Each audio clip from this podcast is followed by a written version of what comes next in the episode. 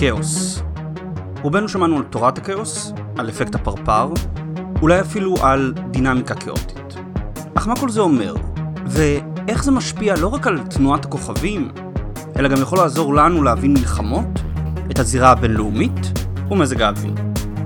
בפרקים הקרובים נדבר על כאוס, על מערכות שלא ניתן לחיזוי, ואיך הקונספטים האלו צריכים להשפיע על החשיבה שלנו על מערכות מורכבות מהזירה הבינלאומית, ועד אולי אפילו לפוליטיקה המשרדית. בואו נתחיל.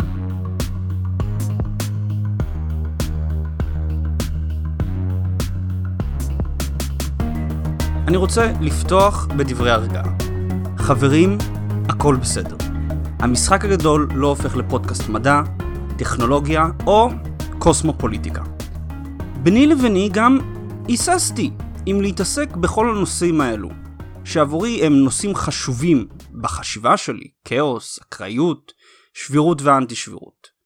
נכון שהם חשובים, אבל אלו לא נושאים טריוויאליים, וגם ההבנה שלי בהם, שבא לדבר איתכם עליהם, היא במקרה הטוב חלקית. אני לא מומחה לכאוס, אני לא מומחה לסטטיסטיקה. אז למה בכל זאת לדבר עליהם? כי הם חשובים. הם חשובים לכל מי שרוצה להבין ולפעול בעולם המורכב שלנו. וזה לא משנה אם הוא מנסה להבין את הזירה הבינלאומית, להשקיע במניות בשוק, או לתקן ולשפר את החברה שלנו. אני באמת מאמין שאחרי הפרקים האלו, עם הבנה יותר טובה של נושאים כמו כאוס, של אקראיות, של ברבורים שחורים, תוכלו להרוויח המון גם בחיים הפרטיים שלכם, ובטח בשביל להמשיך ולהבין את הזירה הבינלאומית. הרעיונות שאציג כאן הם שוב לא אינטואיטיביים בשמיעה הראשונה, אך ברגע שמבינים אותם, הם כאילו מרימים מסך מעל העולם. הכל נראה לפתע ברור יותר, מובן יותר, גם אם צפוי פחות. והנושא שאיתו נפתח את הדיון שלנו, הנושא הראשון שנדבר עליו, הוא הנושא של תורת הכאוס, של סדר שנראה כמו אי סדר. ומדוע החשיבה שאנו יכולים לחזות ולסדר את העולם היא שגויה, שגויה מאוד.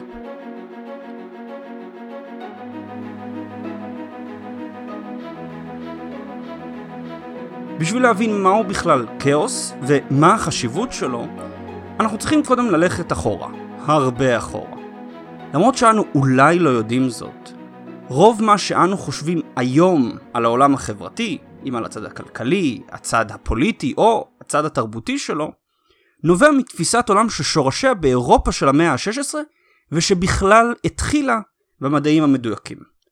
אני כאן אקרא לה השקפה המכניסטית בשביל לא לסבך אותנו בשמות, למרות שאם נרד לדקויות הרי שההשקפה הזאת בנויה מכמה רעיונות, מכמה פילוסופיות, אבל כמו שאמרתי, אני לא רוצה לסבך אז נשאר עם ההשקפה המכניסטית. מהי ההשקפה המכניסטית?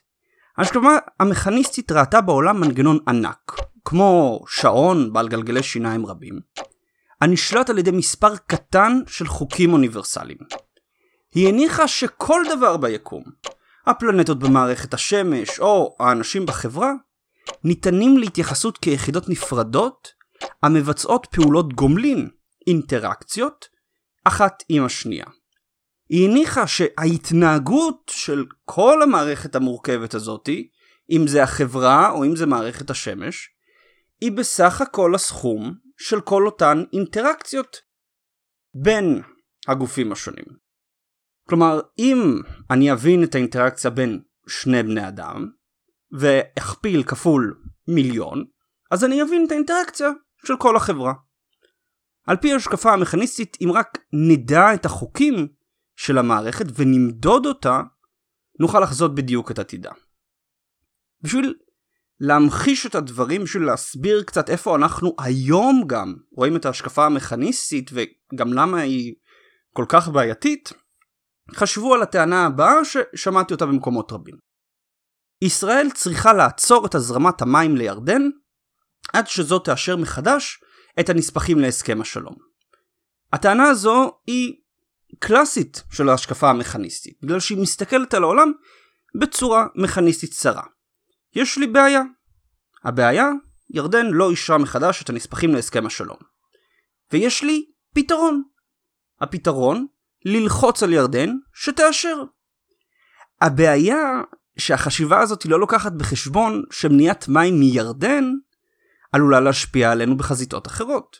יציבות הגבול עם ירדן, ההתפשטות האיראנית, התחזקות גורמים אסלאמיסטים בירדן, הזירה הפלסטינית ועוד ועוד. אי אפשר להתייחס רק לירדן, ורק בהקשר להסכם השלום.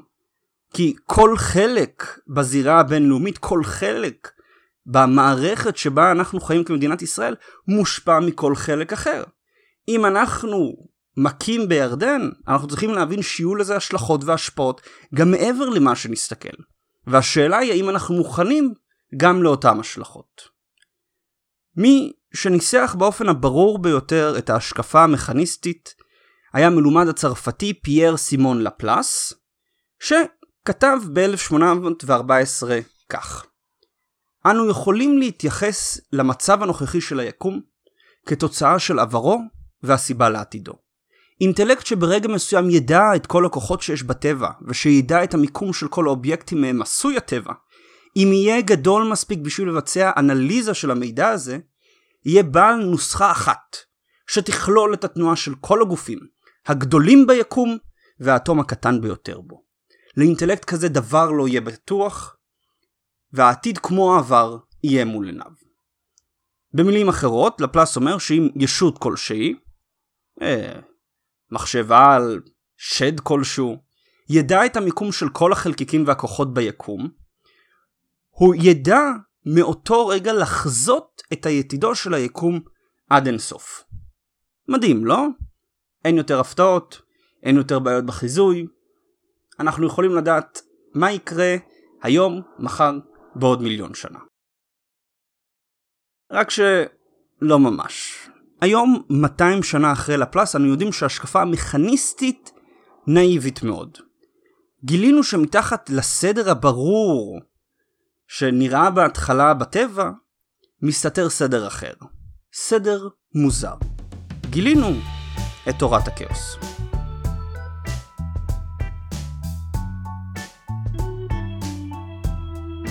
ההשקפה המכניסטית ובעקבותיה המדע מנסים לבטא את העולם באופן מתמטי, בצורה של משוואות. שיתלו לנו לחזות את התנהגות המערכת, אם זו תנועת הכוכבים, הזרימה של נוזל או תנועת המכוניות בכבישים. אם אנחנו יכולים לחזות את ההתנהגות של מערכת, אנו יכולים גם לתכנן מערכות לשימושנו. אם זה מנוף, מנוע רכב או מטוס. המטרה האולטימטיבית שלנו, כמדענים, כמהנדסים, היא למצוא משוואה אחת שתתאר את התנהגות המערכת. לדוגמה, המרחק שעוברת מכונית על כביש ניתן לתאר במשוואה, בה המרחק שווה למכפלה של הזמן במהירות. אם אני יודע לדוגמה את הזמן והמהירות, אני יודע את המרחק. אם אני יודע את המרחק ואת הזמן, אני יכול למצוא את המהירות. המשוואה מאפשרת לי, בהינתן שני נתונים שניתן למדוד, זמן ומהירות, זמן ומרחק, מהירות ומרחק, למצוא את השלישי ולתאר באופן מלא את התנהגות המערכת. הפתרון הזה נקרא פתרון אנליטי, פתרון שמבוטא על ידי משוואה סגורה. דמיינו מה היינו יכולים לעשות אם הייתה לנו משוואה ליחסים בין אנשים. בסוף המאה ה-19 רווחה ההנחה שאנו קרובים באמת לתאר את כל העולם באמצעות משוואות. את תנועת הכוכבים, את זרימת המים, אפילו יחסים בני בני אדם. נותרו רק עוד כמה בעיות שחמקו מפתרון, אבל הניחו שנמצא להם פתרונות. אחת מאותן בעיות הייתה בעיה של n גופים. n, כל מספר שנרצה, שבעיה זו היא בעצם בעיה שבה יש לנו מערכת, ובה n גופים, הנעים אחד סביב השני, ואנו רוצים למצוא משוואה שתתאר את תנועתם. תשאלו אותי, ניצן, מה אכפת לי מזה שיש n גופים שנעים אחד מסביב לשני? טוב, מעניין אותנו מפני שגם אנחנו חיים במערכת כזאת.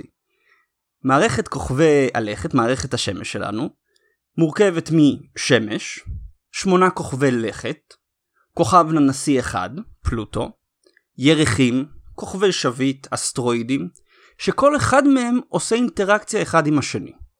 אנחנו רוצים לדעת האם מאותה מערכת השמש שבה אנחנו נמצאים היום, תהיה יציבה גם בעוד מיליון שנה, שני מיליון שנה, או שבעוד שני מיליון שנה פלוטו יתקרב לנפטון ואנחנו נעוף לעבר מאדים. כלומר, מעניין אותנו לדעת איך תהיה ההתנהגות של המערכת. ולמרות שפתרון למערכת של שני גופים נמצאה כבר ב-1687 על ידי ניוטון, הפתרון של אין גופים לא התגלה.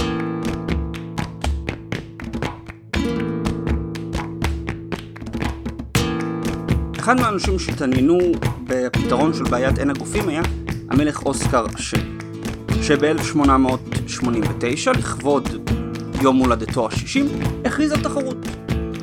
בתחרות הוא הציע, הוא הציע פרס לכל מי שיוכל לבוא ולפתור את בעיית האין גופים, או לכל הפחות להראות שיש לה איזשהו פתרון. אחד המתמטיקאים שהתמודד בתחרות של המלך אוסקר היה המתמטיקאי הצרפתי אנרי פונקרה. אנרי ידידנו חשב בדיוק כמונו. אם יש פתרון לשני גופים, פתרון שכבר ניוטון הוכיח, כנראה שיש פתרון גם לשלושה גופים.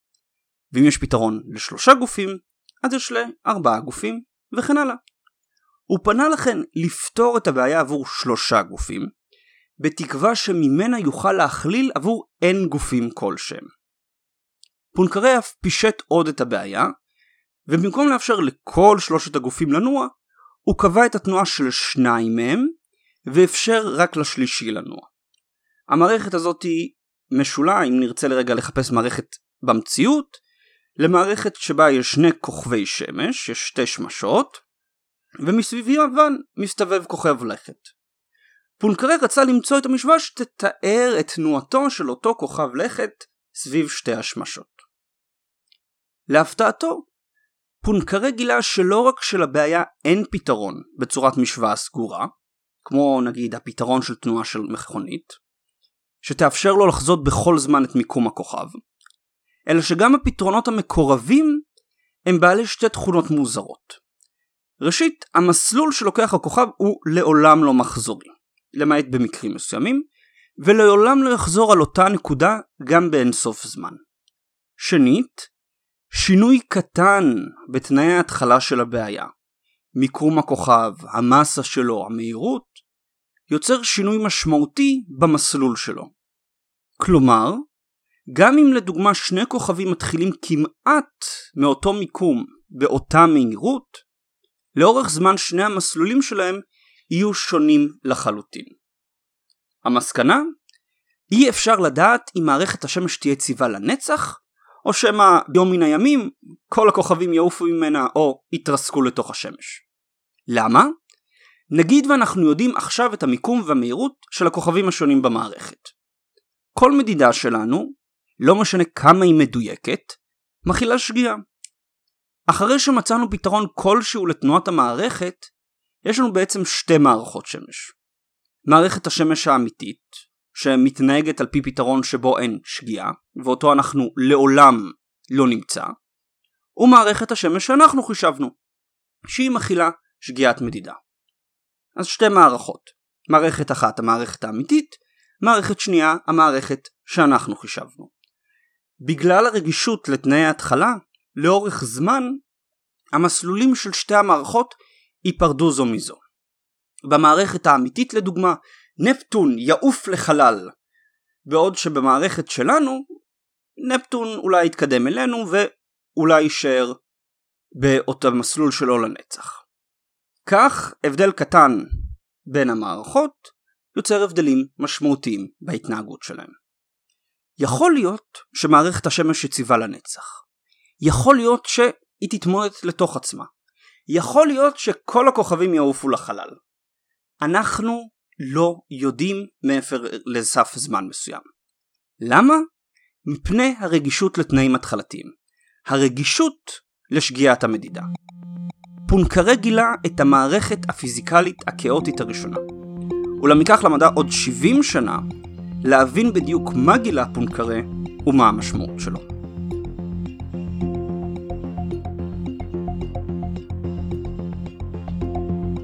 פונקרה גילה שהפתרון לבעיית שלושת הגופים רגישה מאוד לתנאי ההתחלה.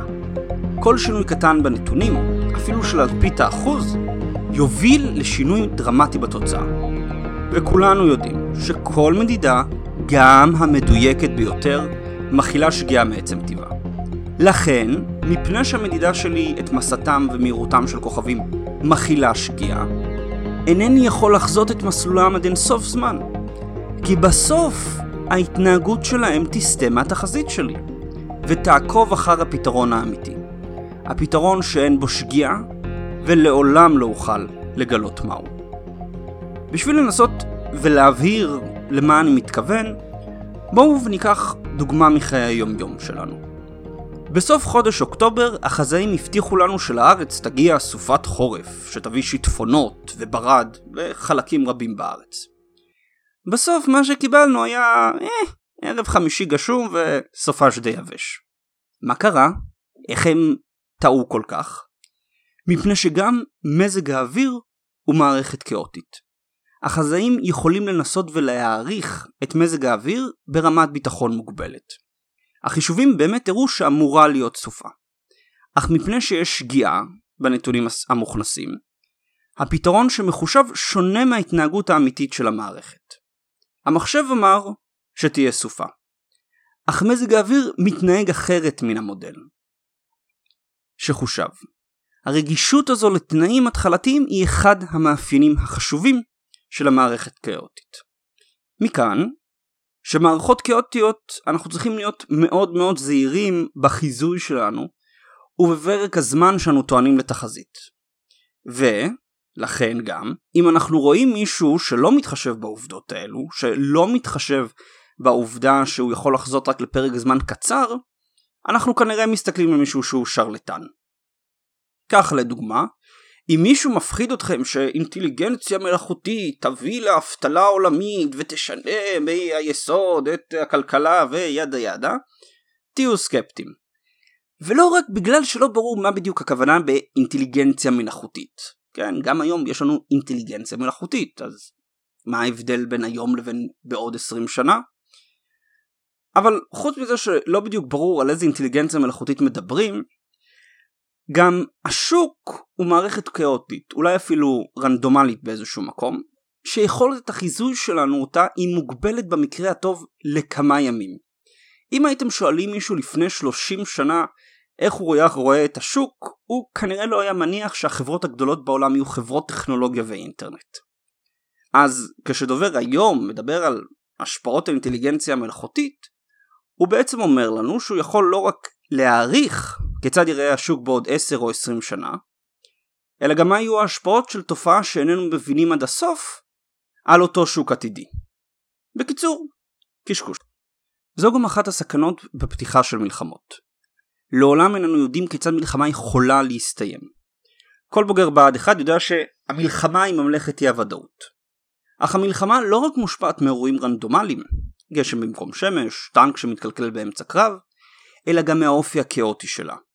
מפני שאני יודע בדיוק את מצב הכוחות של היריב, והמלחמה לעולם אינה חוזרת על עצמה, אינני יכול לחזות מה תהיה התנהלות המלחמה ומה יהיו בדיוק תוצאותיה. גם אם אין סוף מידע ואין סוף כוח חישוב, לעולם לא אוכל לחזות במדויק מה התוצאה, מפני שהנתונים שלי לעולם יהיו עם שגיאה. עד כאן, על קצה המזלג, על המשמעויות של התגלית של פונקרה. אני מבטיח שעוד נחזור אליהם. אך קודם עלינו להכיר אדם אחר ותגלית אחרת. את אדוארד לורנץ והמושכים המוזרים.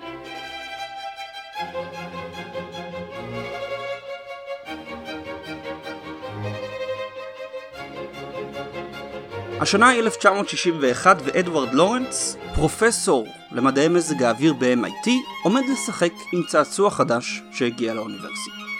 מחשב מתקדם במשקל טון וזיכרון של 9 קילובייט. כן, קילובייט. לורנץ עסק בשיפור החיזוי של מזג האוויר. מפני שמזג האוויר הוא מערכת מורכבת מאוד, הוא רצה תחילה, כמו פואנקרה, לנסות ולפשט את הבעיה. הוא התמקד בתנועה של אוויר באטמוספירה, ופישט את המשוואות המתארות את התנועה לשלוש משוואות פשוטות משוואות שמתארות את קצב השינוי במערכת. למה לורנץ התמקד דווקא בתנועה של האוויר באטמוספירה? הסיבה שהוא התמקד דווקא בתנועת האוויר היא מפני שמזג האוויר מושפע מאוד מהתנועה הזו.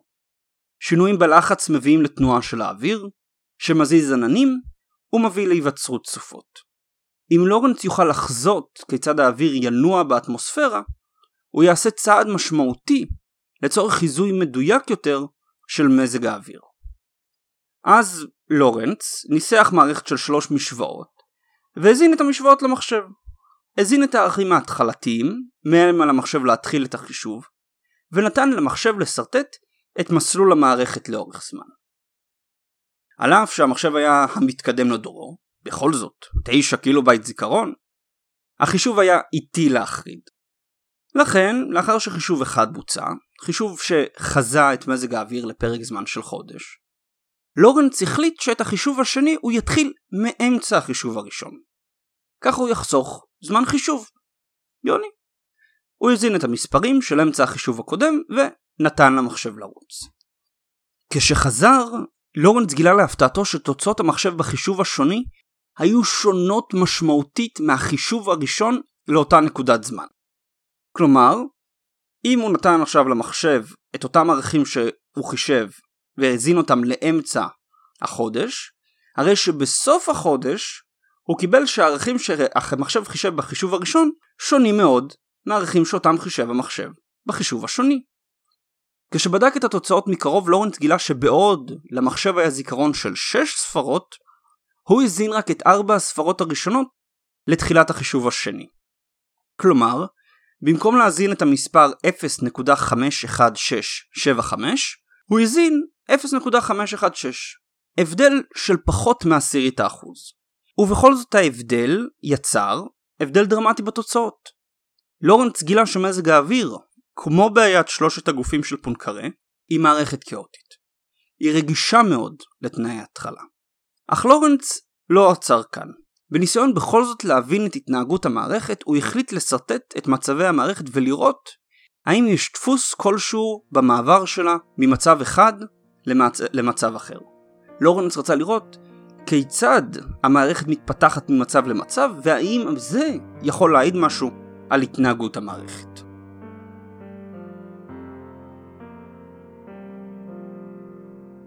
מה הכוונה במצב המערכת? דמיינו שאני מודד את עוצמת האור לאורך היום. העוצמה מתחילה מ-0, מהלילה, ומטפסת לשיא בצהריים, ואז יורדת שוב ל-0 עם שקיעת החמה. אני יכול לתאר את מצב המערכת שלי על ידי שני נתונים עוצמת האור והזמן בו נמדדה העוצמה הזו. כך במצב מספר 1 של המערכת הזמן הוא נגיד 5 בבוקר והעוצמה היא 0. במצב מספר 2 הזמן הוא 5 ודקה בבוקר והעוצמה היא 0.01. מצב 3 יהיה ב-502, מצב 4 ב-503 וכן הלאה. כל מצב כזה שהוא צירוף של זמן ועוצמת אור, מייצג לי נקודה במערכת שלי, מייצג לי מצב של המערכת שלי. והמערכת שלי כולה לאורך הזמן נעה מנקודה לנקודה, ממצב אחד למצב אחר. על ידי שרטוט של התנועה של המערכת, של המסלול שלה ממצב אחד למצב אחר, מנקודה לנקודה, לורנס רצה לדעת מהן כל האפשרויות שיש למערכת לנוע בהן. גם אם הוא לא יוכל לחזות בדיוק מה תהיה התנועה של המערכת שלו. במקרה שלנו, מזג האוויר בכדור הארץ. מה שהוא קיבל הוא אחת התמונות המפורסמות ביותר בתורת הכאוס. כנראה גם ראיתם אותה. מושך לורנס. מושך לורנס נראה כמו פרפר, או עיניים של ינשוף, או כמו הספרה שמונה עקומה. מושך לורנס מתאר תנועה של המערכת שהיא כמעט מחזורית, אך לא בדיוק. היא לעולם לא חוזרת לאותה נקודה בדיוק, אלא לנקודה קרובה אליה. לורנס גילה את המושך המוזר הראשון.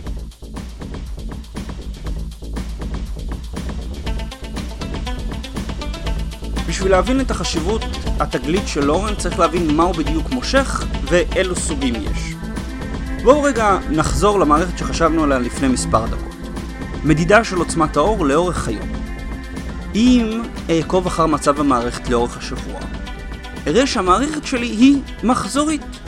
העוצמה מתחילה מ-0 לפנות בוקר, עולה למקסימום בצהריים, ויורדת ל-0 בערב. ואז ביום שאחרי, שוב חוזר על עצמו. 0 בבוקר, מקסימום בצהריים, 0 בערב. המסלול שהיא עושה נקרא מושך מחזורי. היא נעה באופן מחזורי בין מצבים שונים. מושך אחר הוא מושך סטטי. דמיינו שאתם משחררים גולה בקערה. לא משנה באיזה מיקום תשחררו את הגאולה, ולא משנה כמה פעמים היא תעלה ותרד בדפנות הקערה, היא לבסוף תיעצר בתחתית הקערה. תחתית הקערה היא מושך סטטי. לא משנה מה המצב הראשוני של הגולה, היא תגיע לבסוף אל התחתית. לא משנה מאיזה מצב מתחילה המערכת של, הגול, של הגולה, היא בסוף תגיע למצב יחיד. המצב בו הגולה בתחתית.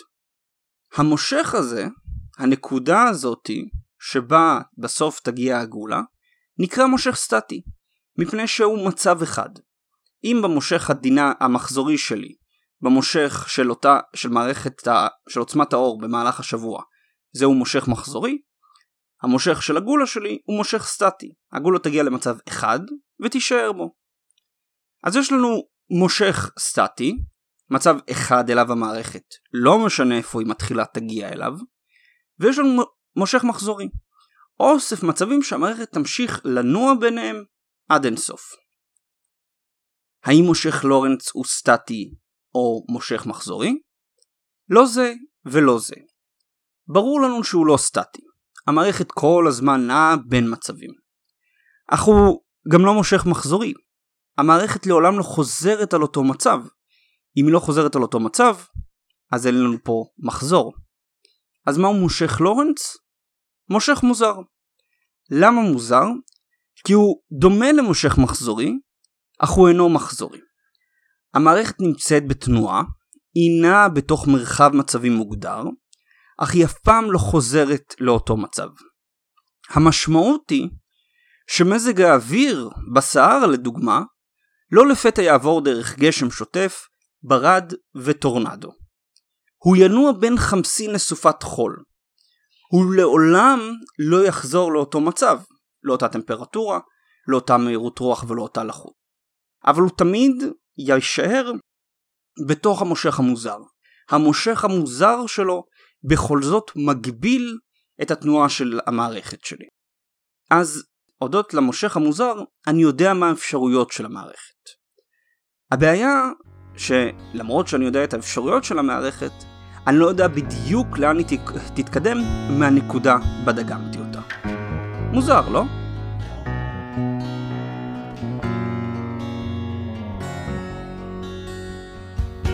מה החשיבות של התגלית של לורנץ? מה החשיבות שיש למערכות כאוטיות מושכים? החשיבות היא מפני שהם מוכיחים שאפשר להעריך את התנהגות המערכת. המושכים מוכיחים שמערכות כאוטיות הן לא מערכות רנדומליות. חשוב לשים לב להבדל.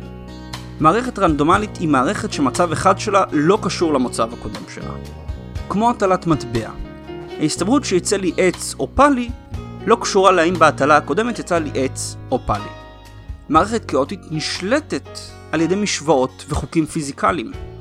בניגוד למערכת רנדומלית, המערכת הכאוטית נתונה בתוך תבנית. היא נתונה במושך מוזר. ואת המושך המוזר הזה אני יכול לנתח סטטיסטית. נחזור לדוגמה למערכת של מזג האוויר. מפני שהמערכת שלי נתונה למושך לורנץ, אני יודע שהיא תעבור באזורים של מצבים בהם יש גשם, באזור של מצבים בהם יש ברד, אזור של מצבים בהם יש שמיים נקיים, וכן הלאה. אני לא יודע באיזה סדר המערכת תעבור בהם. אם היא קודם תעבור דרך גשם, ברד ושמיים נקיים, או שמיים נקיים, ברד, גשם, אבל אני יודע שהיא תעבור בהם, בכולם, מפני שהיא נתונה בתוך המושך המוזר. שוב, מזג האוויר בסהרה לא יכול לחרוג לסופת שלג. כך, למרות שאינני יכול לחזות מה יהיה מזג האוויר בינואר השנה, אני יכול לנתח את הנתונים שיש לי מינואר שנה שעברה, ומינואר לפניו וכן הלאה, בשביל להעריך מה תהיה טמפרטורה בינואר השנה.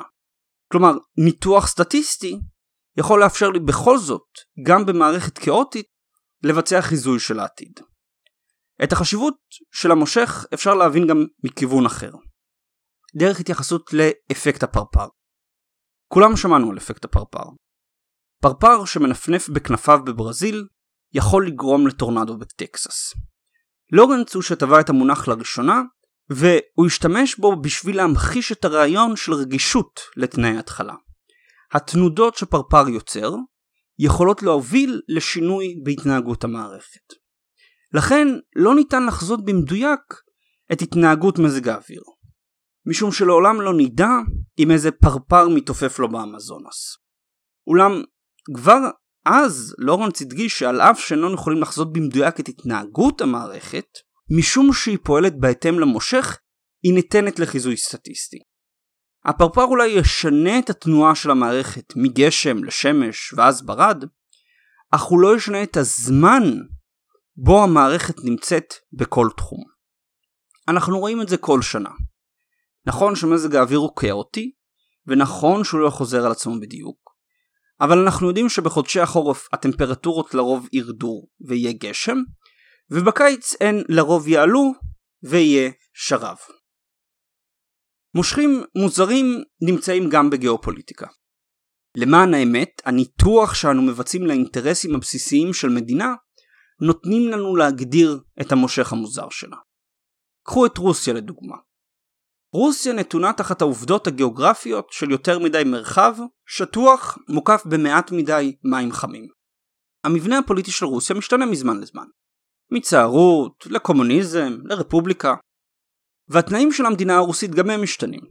לפעמים חזקה יותר, לפעמים חלשה יותר.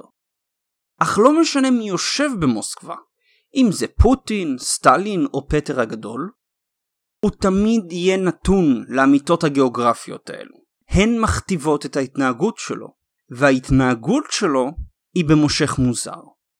המדינה הרוסית חוזרת על דפוסים דומים אך לא זהים. פוטין כמו יקטרינה או כמו פטר הגדול מחפש להשיג בסיסים של מים חמים.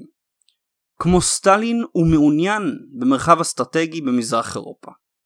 ההתנהגות דומה אך לא זהה ביניהם, מה שאומר שאנו מוגבלים ביכולת החיזוי שלנו, מה יקרה מחר או מחרתיים, אך אנו כן יכולים לדעת מה הכיוון הכללי.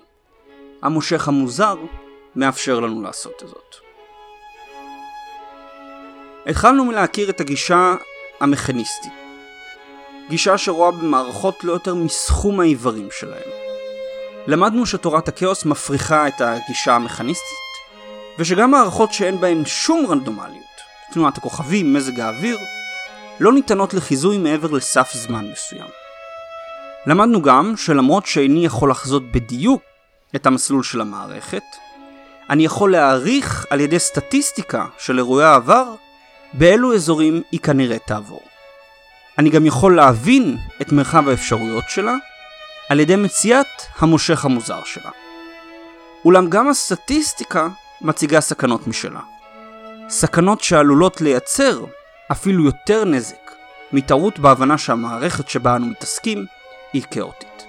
אך כל זאת, ועוד, בפרק הבא. תודה לכם על ההקשבה. עד פה להיום פרק של המשחק הגדול. אם נהניתם מהפרק אל תשכחו לדרג אותי ב iTunes או באפליקציית הפודקאסטים החביבה עליכם ואל תשכחו לספר לחברים. אם לא נהניתם או יש לכם הערות לעיר, אתם תמיד מוזמנים לפנות אליי או במייל שנמצא באתר של המשחק הגדול, או דרך הפייסבוק בדף הפייסבוק של המשחק הגדול. אני גם מזמין אתכם בחום להמשיך ולעקוב אחרי המשחק הגדול בדף הפייסבוק שלנו, בערוץ הטלגרם, בערוץ האינט... האינסטגרם וגם בערוץ היוטיוב של המשחק הגדול. כאן ניצן דוד פוקס, המאפיק של המשחק הגדול, ואני רוצה שוב להודות לכם על ההקשבה. תודה רבה ושבוע טוב.